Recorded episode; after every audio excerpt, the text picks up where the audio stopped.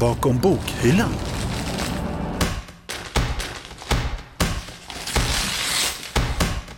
Den här boken är tryckt 1473. Du ser att det är en väldigt bastant pärm. Men är det trä liksom? Det är trä i de här liksom försöken att återge djuren som de faktiskt såg ut så kan ändå sådana här egendomliga figurer dyka upp. Just det, det är någon slags fiskmänniska. Ja, någon fiskmonster. Så det är så här, stoppa pressarna. Och så kan man se hans ex där han, han liksom har ritat så här, pil in här, här ska det vara, de har ben och, och, och, och så är det när de fortsatte att trycka då den här boken från 1605 så är paradisfåglarna med. Med och då, ben. Med ben, ja.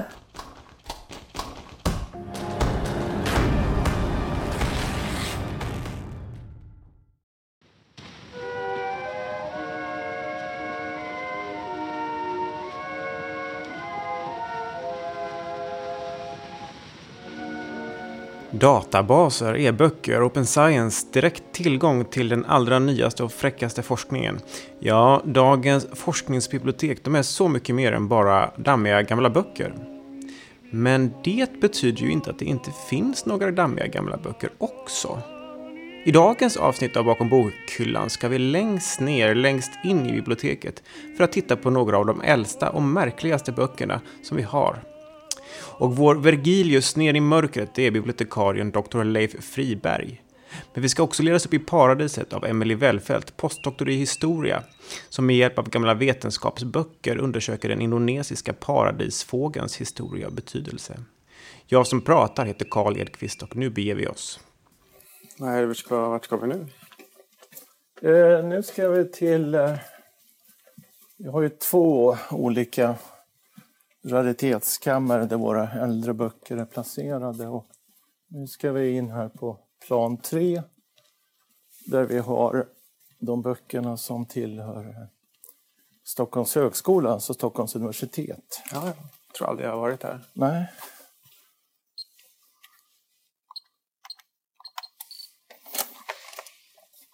Jaha.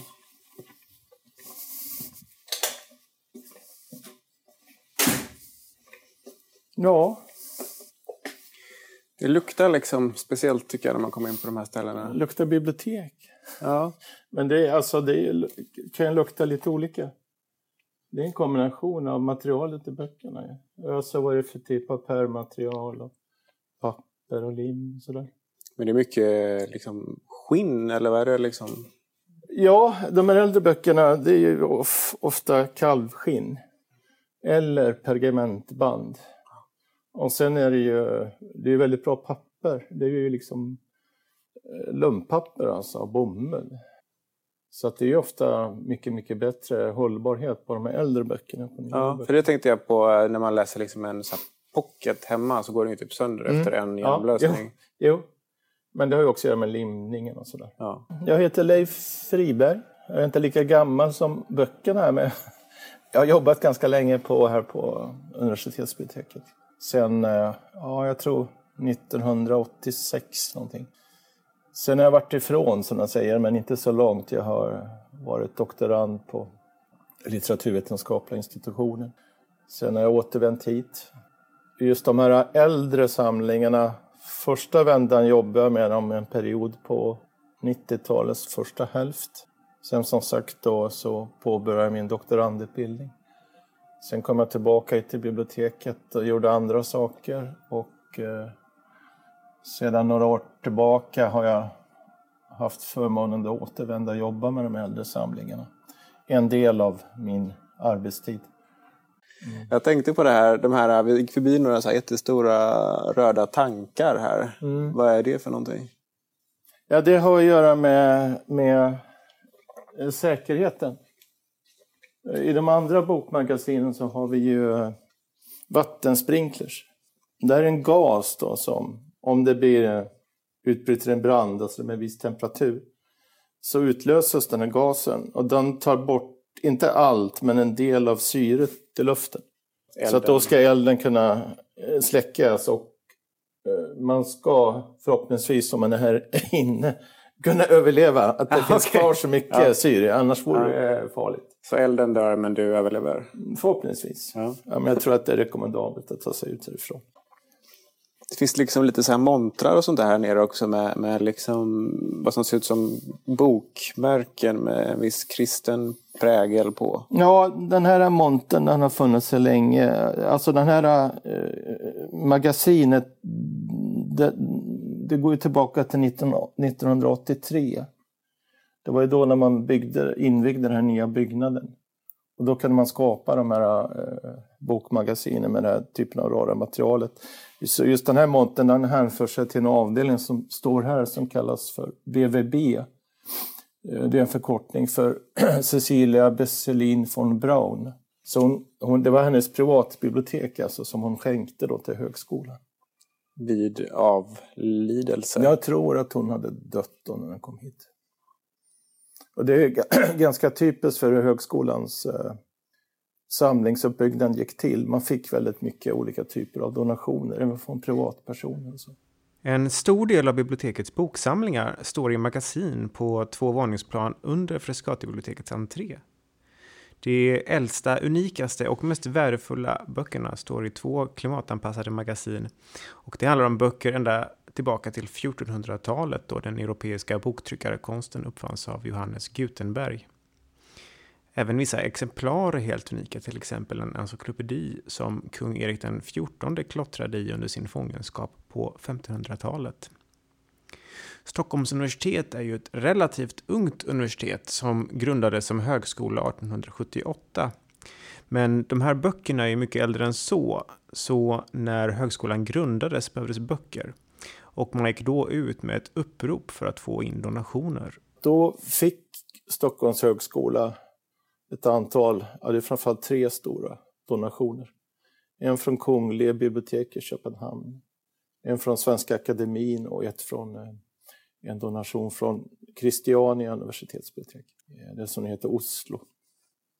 Är Så det, man kan ja. säga att det det är liksom grunden för, för de äldre samlingarna som är kopplade till Stockholms högskola och Stockholms universitet. För att där fanns det då även äldre böcker. Alltså, det är liksom inte bara från 1870 och framåt här utan det finns... Nej, det är från, från eh, ja, inkunabeltiden, alltså innan 1500 och framåt. Okej. Ja. Och även böcker i viss utsträckning från 1800 och 1900-talet som liksom kan vara mera sällsynta av andra skäl. Bakom bokhyllan. Allt utom boktips. Något som vi fortfarande har i våra samlingar det är ju doktorsavhandlingar. Och det här, vi har en liten samling. Sådana här samlingar finns ju på nästan alla större forskningsbibliotek av äldre avhandlingar. De brukar vara i sådana här kapslar. Här är de inpackad som i ett paket liksom. ja, här är massa små ja, ja, liksom. ja, ja, det är ju den här äldre tidens dissertationer som man sa. De var ju väldigt eh, få sidor. Det är inte som dagens avhandlingar. Alltså varje av den här lilla skriften ser ut som en pamflett liksom. Det är en avhandling alltså. Just så. Det är en massa olika. Ja. Och sen var det en helt annan typ av system. Det var ganska vanligt att, eh, att det var handledaren, preses, som också var ordförande för själva disputationsakten, att, att det var den personen som hade skrivit avhandlingen. Ja. Så att den här respondenten, alltså studenten som skulle bli doktor, det handlade inte om att man skulle skriva något originellt utan det man la krutet på det var alltså försvaret av själva avhandlingen, Ja. alltså den retoriska färdigheten. Det är ju väldigt annorlunda mot Ja. Eh, Det finns ju kvar det momentet att du ska försvara din avhandling på ett eh, övertygande sätt men då var det nästa. Det fanns, folk, det fanns alltså professorer som, det var, kunde vara en bra inkomstkälla. Det. Och skriva, eh, skriva dissertationer helt enkelt. Alltså, de fick betalt? Fick betalt. Så att, eh, ja. Det systemet var, eh, levde, levde kvar till ja, in på 1800-talet. Då var, eh, blev författarna riktiga författare så de var tvungna att skriva en längre text. Men det här var alltså äldre än eh, 1800 år? Ja, det var från 1700-talet. Och allt var på latin. Du ser ser här, det som. är, eh, det här är från Uppsala universitet som den står här. Och det är alltså eh, avhandlingar mellan 1746 till 1752. Ja, just ja. den här kapseln.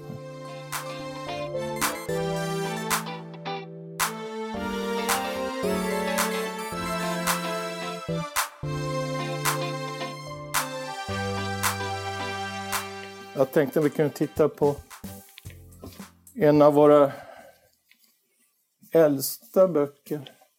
Eh, böcker tryckta före 1500 eh, brukar man kalla inkunabel. Det betyder vagga, det hänsyftar ju på bokens barndom. Ja, för när kom Gutenberg? Ja, det är alltså 1400 mitt, mitten av 1400-talet. Kring 14, jag tror 1452 tror jag han gjorde den här eh, bibel, alltså en, en tryckt bibel. Gutenbergs uppfinning så att säga, det var ju, fanns ju flera som var samtidiga, det var ju att han, man han använde lösa typer av metall. Men här står det då 1473 på någonting. Ja, det är alltså en inkunabel. Vi har väl ungefär eh, kring 20 inkunabler tror jag. Tänkte vi skulle titta på den här kanske.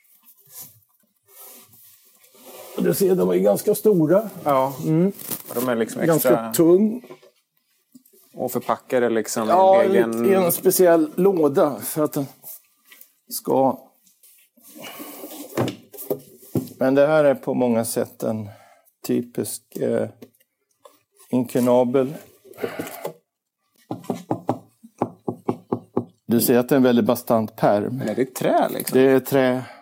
Det var vanligt att man hade träpärmar vid den här tiden. Den är som nästan en- en, centimeter tjock liksom. Ja, som är klätt med skinn då. Och så här ser du också att det har suttit sådana här spännen. Okej. Och vad hade man det till? Ja, för att... Den gick om sig för att hålla boken helt stängd. Ja, ja. Ja. Det var inte så att man låste det liksom, utan det var mer... Nej, inte med nyckel så, men det var för att den skulle vara mer sluten bok. För att det inte skulle komma in ja, saker som inte ska vara där. Och här ser du ju, här har ju ryggen har ju lossnat där va. Så jag ser ser man. de här binden, det här kallas för upphöjda bind. Det kan man ju se på en del äldre bokband på när det, när det finns eh, skinn här också på, på ryggen så ser man att det finns här upphöjningar. Ja, det går ut som, som Ja, remsor av Just det, snören. Liksom. Just. Och här ser du också, den är ju dekorerad den här. Mm. Mm, Något slags mönster. just det. Vad var det här för bok? Nu ska vi säga det också. Eh, det är lådan, eh, tror jag. Augustinus De Civitate de, om godsstaten. Ah, wow. Den här boken är tryckt 1473. Och eh, det är eh, boktryckaren är Peter Schöffer. Han var assistent till Gutenberg. Men här ser det ut som att någon har klottrat lite mer på senare år. Är det, är det okej liksom? Ja, nej men det är inte någon som gjort det här på biblioteket utan de här böckerna har ju ofta en lång, det man brukar kalla proveniens, alltså en bakgrund. De kan ha haft tidigare bokägare, det kan ha varit ett antal innan de har kommit till oss. Så att det är ganska vanligt att man kan hitta spår av tidigare användning, anteckningar och namnteckningar och sådär. Det måste ju vara ganska spännande om det är någon så här um, känd person som har ägt eller liksom. Ja, jo, vi har ju några sådana. Och här ser du en stämpel då. Eh, Den här, den här är ju till den här donationen då som kom från Köpenhamn. Just det. Mm. Snällt av dem. Ja, jag tror att det var en dubblett de skickade.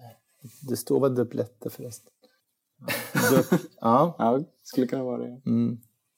Och vad som är väldigt typiskt för böcker, de tryckta böckerna i eh, bokens barndom så att säga, eh, det är att de inte har några titelsidor.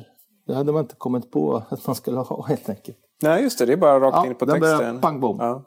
Vilket ofta, vilket också gör att det är inte alltid böckerna har sådär specifika titlar. ja, just det. Eh, Ja, för det fanns ingen uppgift om det här. I- det här fallet visste man att det var Augustinus gudsstater. Men vad som också är typiskt för inkunablerna är att de liknar ju handskrifter väldigt mycket. Ja, det inte... Alltså det hade inte utvecklat sig um, egentligen här, den tidiga boktryckarkonsten, någon egen estetik för det tryckta. Utan man utgick från hur handskrift hade sett ut. Och gjorde dem på ungefär samma sätt. Ja, det är en ganska snirklig eh, Ja. text. Och sen i efterhand är det vanligt att man har målat på sådana här äh, dekorationer.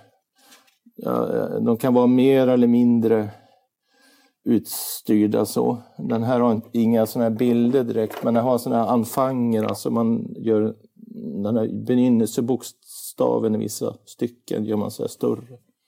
Och det är då tillmålat i efterhand, så att det är inte tryckt. Nej. Du ser en hand som pekar där också. Ja, just det.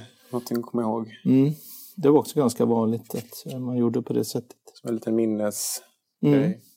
Det var Ja. ganska mycket klottrat i det ändå, tänkte jag. Mm. Alltså, eller liksom anteckningar. Jo, men det är ganska vanligt. Det är också väldigt stora marginaler. Alltså det är mycket, ganska Ja. lite text och mycket vitt. Ja. Men det var ju mycket också för att man skulle kunna göra små tillägg och anteckningar. Det har att göra mycket med handskrifter. Så när det var handskrifter så då, då fanns ju liksom, ja, från början bara kanske ett exemplar i något klosterbibliotek.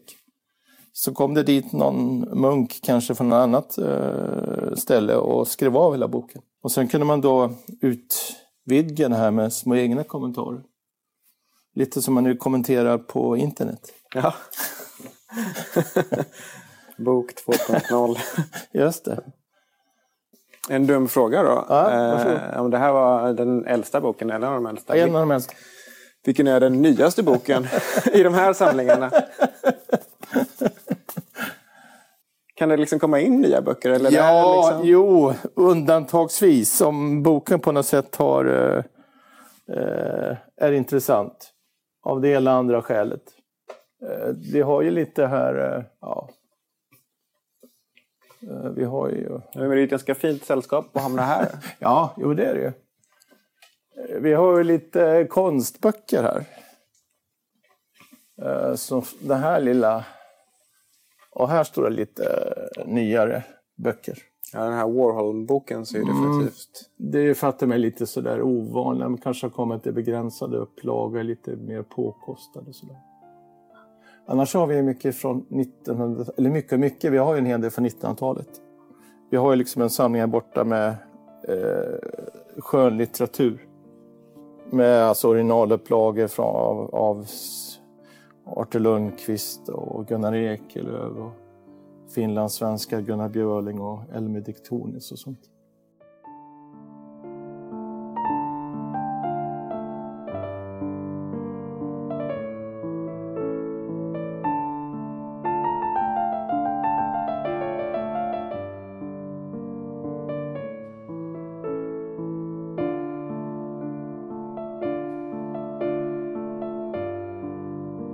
Inte rädd liksom att ha sönder den när man sitter och bläddrar i någonting så gammalt? Eller liksom, hur känns det? När, för jag har själv varit där nere och liksom, Ja. jag är lite så här, vågar knappt röra någonting. Liksom. Åh, jag, jag blev mer så här liksom lite, får lite hög puls. Jag, åh, jag älskar det. det är så här, mm, jag gillar det här. Eh, Det är klart, man, man, ju, man är ju väldigt försiktig såklart. Och eh, det skulle vara tråkigt att förstöra det. Men eh, nej, jag blir mer så här. Ja, jag får, jag blir så lite, jag får liksom lite högre puls och blir, känner mig lite, lite, så här, lite, lite svettig. För att det är så häftigt att det är liksom den här... Och det kanske, jag tänker det kanske har med min bakgrund, den här studiet av eh, eh, hur man av historia eh, i andra kulturer. Där, där, där har man ju verkligen känsla för det här med föremålet och vad föremålet har varit med om. Och om, man, om man går till eh, Livrustkammaren, det är så här kungens blodiga skjorta. Alltså, det är ju något särskilt. Det är inte så här, sådana här skjortor hade kungar förr i tiden. Det är ju en sak. Men liksom att se verkligen den kungens blodiga skjorta, eller det här, alltså just det här, det här exemplaret eh, har ja, men den och den tittat. Ja, men det är kanske, åh, Linné kanske har kollat det just den här. Alltså det, är eh, ehm, Ja, det har någonting speciellt. det har något väldigt speciellt eh, i, med sig. Ja, det här är alltså någon som har suttit nere i raritetskammaren och läst. Nämligen Emily Wellfelt. Hon är postdoktor i historia men forskar tvärvetenskapligt med antropologi, alltså läran om människan. Just nu håller de på med ett forskningsprojekt om paradisfåglar och handeln av dessa. Paradisfåglar de kommer ifrån Nya Guinea och lite öar runt där och det finns några också precis på Australiens nordkust. Men de började att exporteras eh, till Europa, kom de i början av 1500-talet. Inte då som levande fåglar utan som eh, fågelskinn. Eh, och in, redan innan det, när portugiserna var det först som, som ja, de, de slog sig ner i, de, de erövrade Malacca 1511 och då fick de en bas i eh, Sydostasien. Så började de liksom att eh, rekognosera vad kan vi göra för business här. Och, och eh, då var de, det de verkligen var intresserade av och som de visste från början det var att de ville in i kryddhandeln som var jätte på ja, 14-15-talet. Det var väldigt, väldigt eh, höga värden på kryddor som ändå var ganska så lätta att transportera och sådär.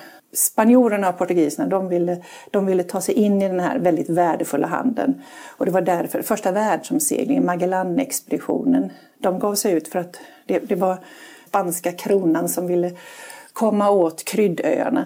För det, precis som med paradisfåglarna som bara finns på ett litet begränsat ställe så var det vissa kryddor, muskot och eh, kryddnejlika som bara finns på några få öar i östra Indonesien. Så det var jättevärdefullt från ett litet ställe och, så, och som man ville komma åt och ta sig in i en handel som redan existerade.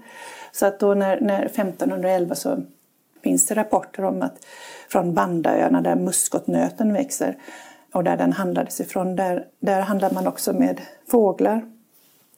Och det mest värdefulla var paradisfågeln.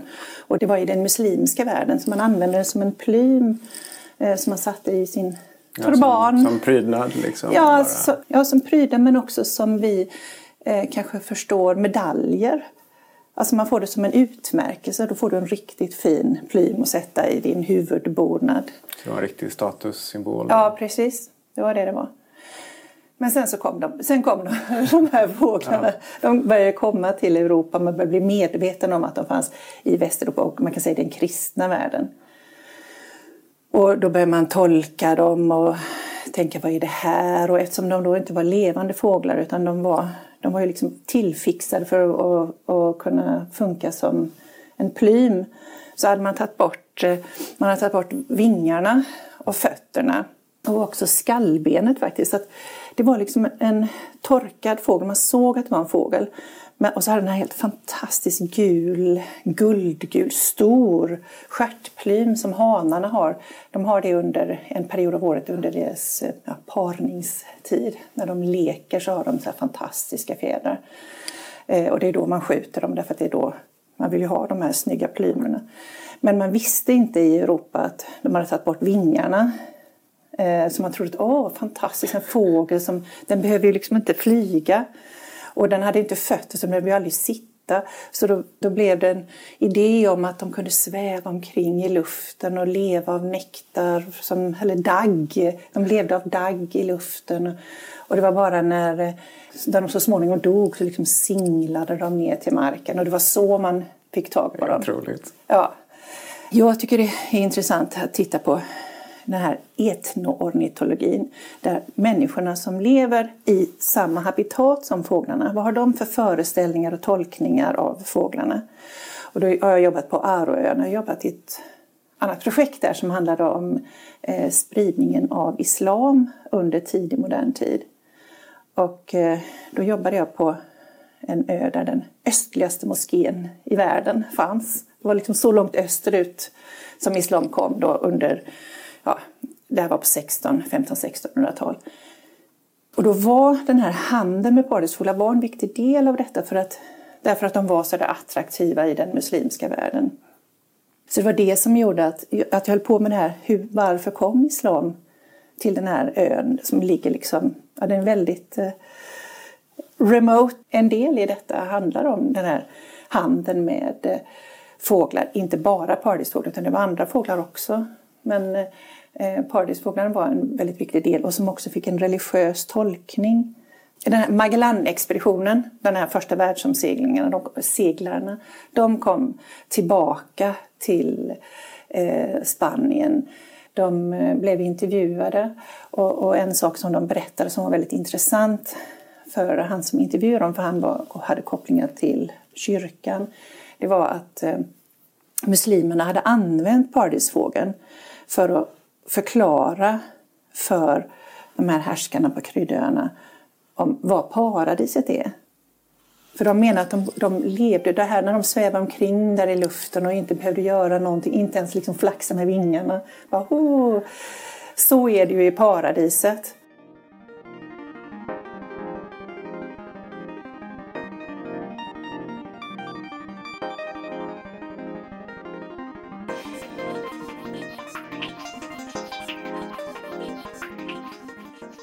Ska vi gå ner till plan två?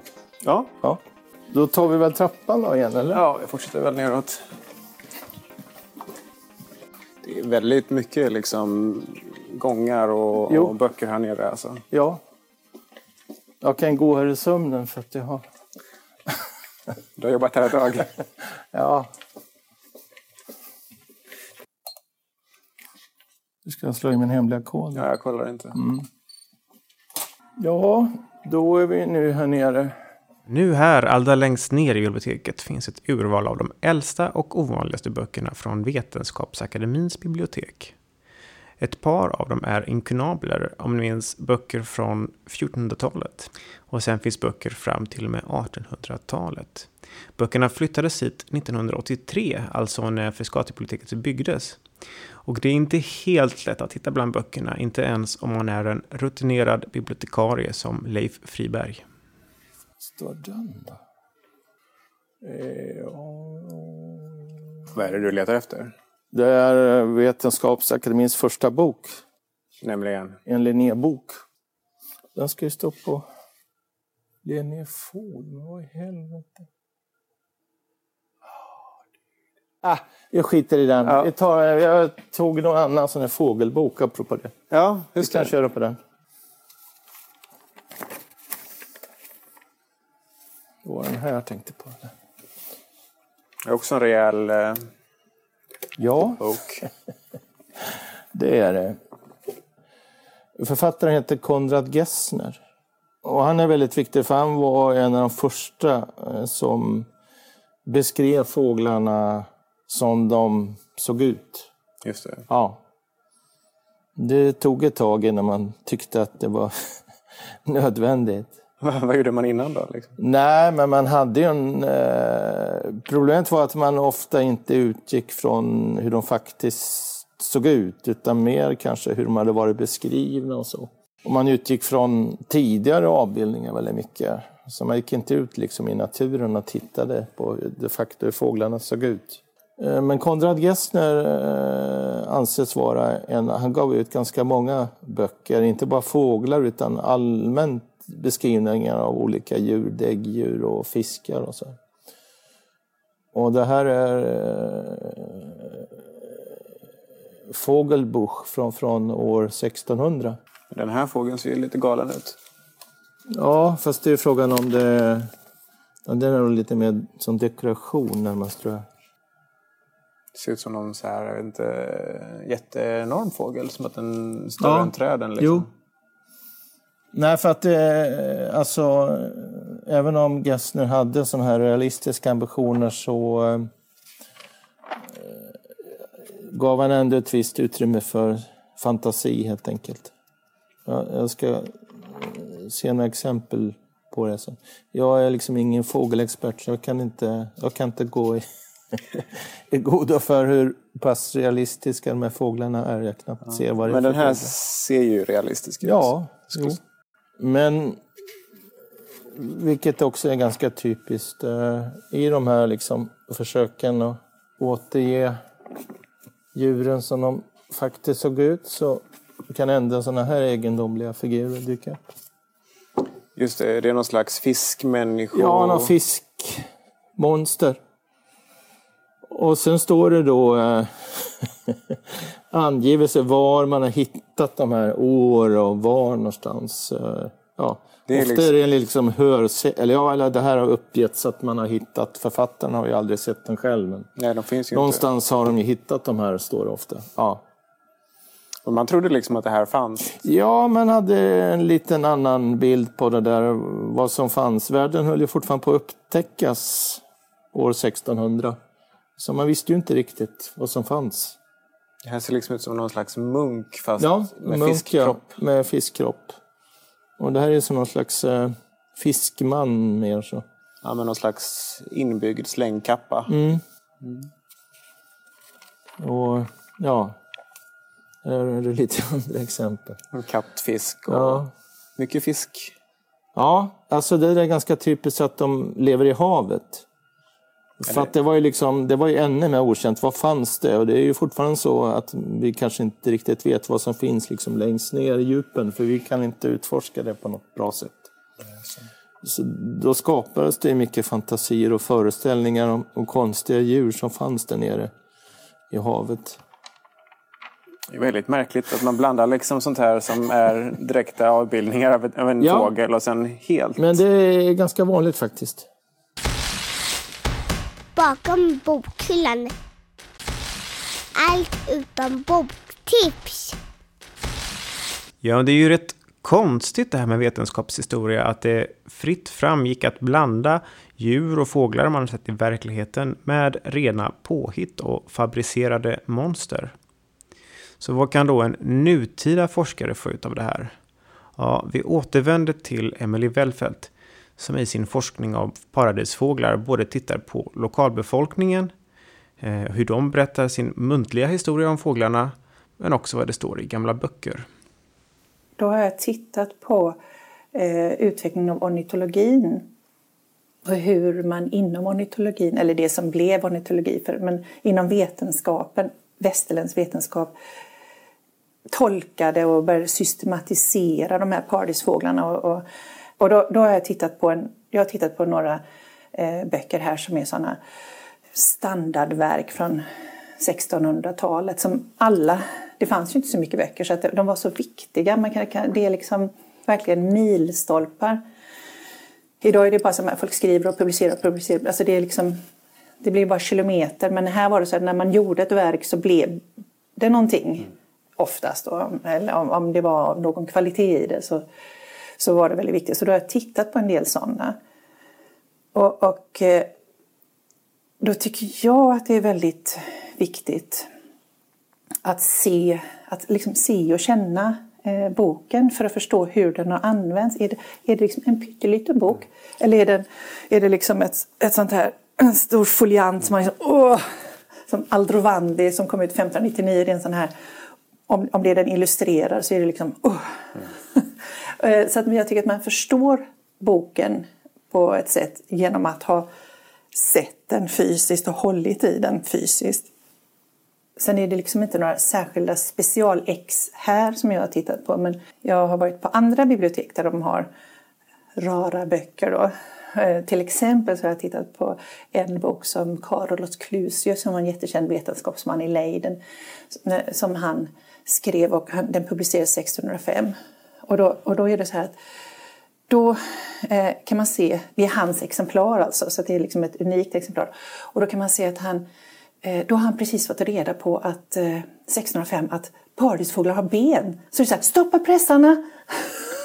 Och så kan man se hans ex där hur han, han liksom har ritat så här, pil in här, här ska det vara, de har ben och, och, och, och så är det.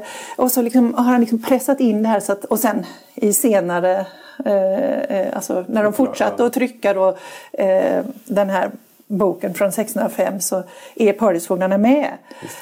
Eh, Med då- ben. Med ben, ja. ja.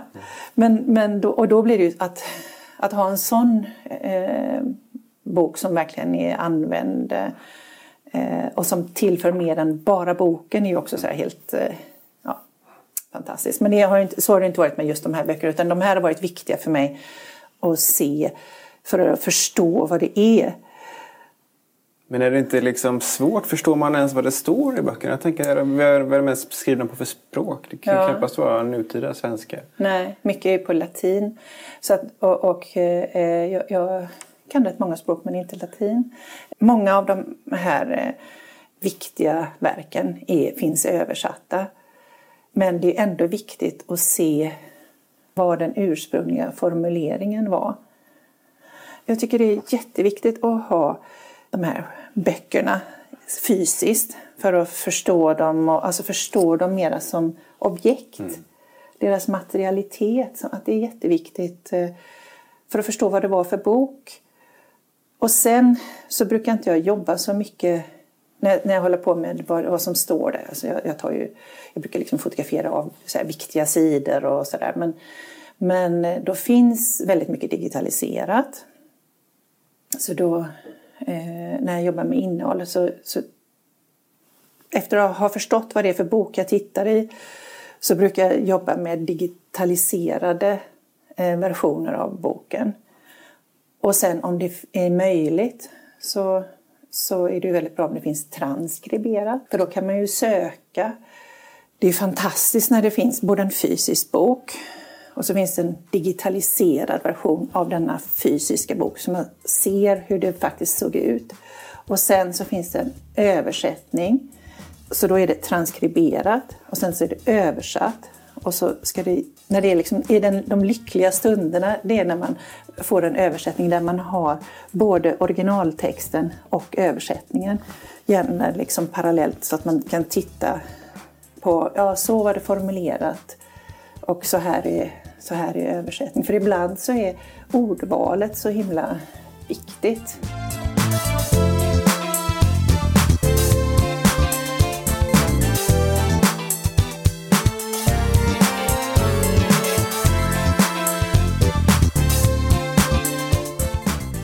Hur ser du liksom på framtiden för den här typen av samlingar? Kommer, alltså mycket är väl digitaliserat redan, men kommer det digitala ersätta mer och mer? Eller kommer det alltid finnas liksom ett behov eller en lust av den här typen av gamla boksamlingar?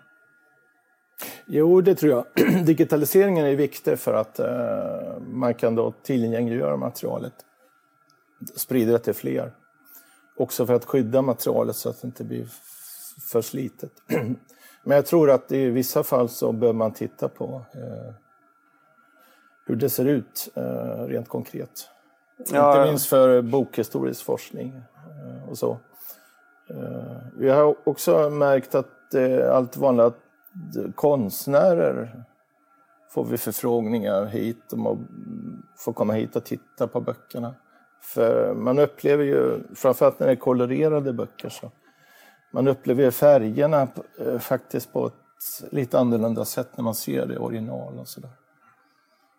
Det känns som att Så väldigt... att jag skulle säga att överhuvudtaget de här specialsamlingarna tror jag har eh, framtiden för sig förutsatt att eh, eh, dagens biblioteksledningar vill satsa på det. För att eh, tendensen är ju snarare att eh, de stora forskningsbiblioteken har ju, i och med att man satsar på eh, så mycket olika databaser, e-böcker, så har man ungefär abonnemang på ungefär samma databaser, alltså samma typ. Vad som kan särskilja de stora forskningsbiblioteken det är just de här olika äldre specialsamlingarna. Där det, kan finnas väldigt olika typer av böcker som är, bara finns på, samlade på det och det biblioteket. Den här samlingen till exempel är ju faktiskt i världsklass. Alltså det är väldigt, väldigt eh, fina samlingar av den mm, tidens eh, verk som gavs ut inom naturvetenskap eh, finns påfallande ofta.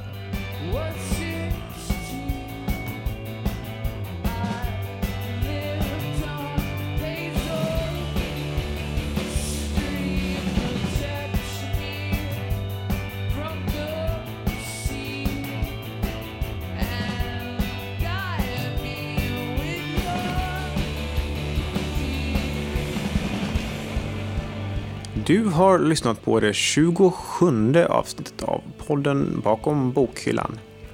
Medverkade gjorde Leif Friberg och Emily Wellfelt. Vi som gör podden är som vanligt Julia Milder, Urban Göransson och så jag, Karl Edqvist. Besök gärna vår webbplats på su.se bibliotek för fler avsnitt och information om avsnitten. Om två veckor så tar vi an där vi slutade nu. Då ska vi nämligen gå på djupet av digitalisering av böcker. Lyssna då och hej så länge!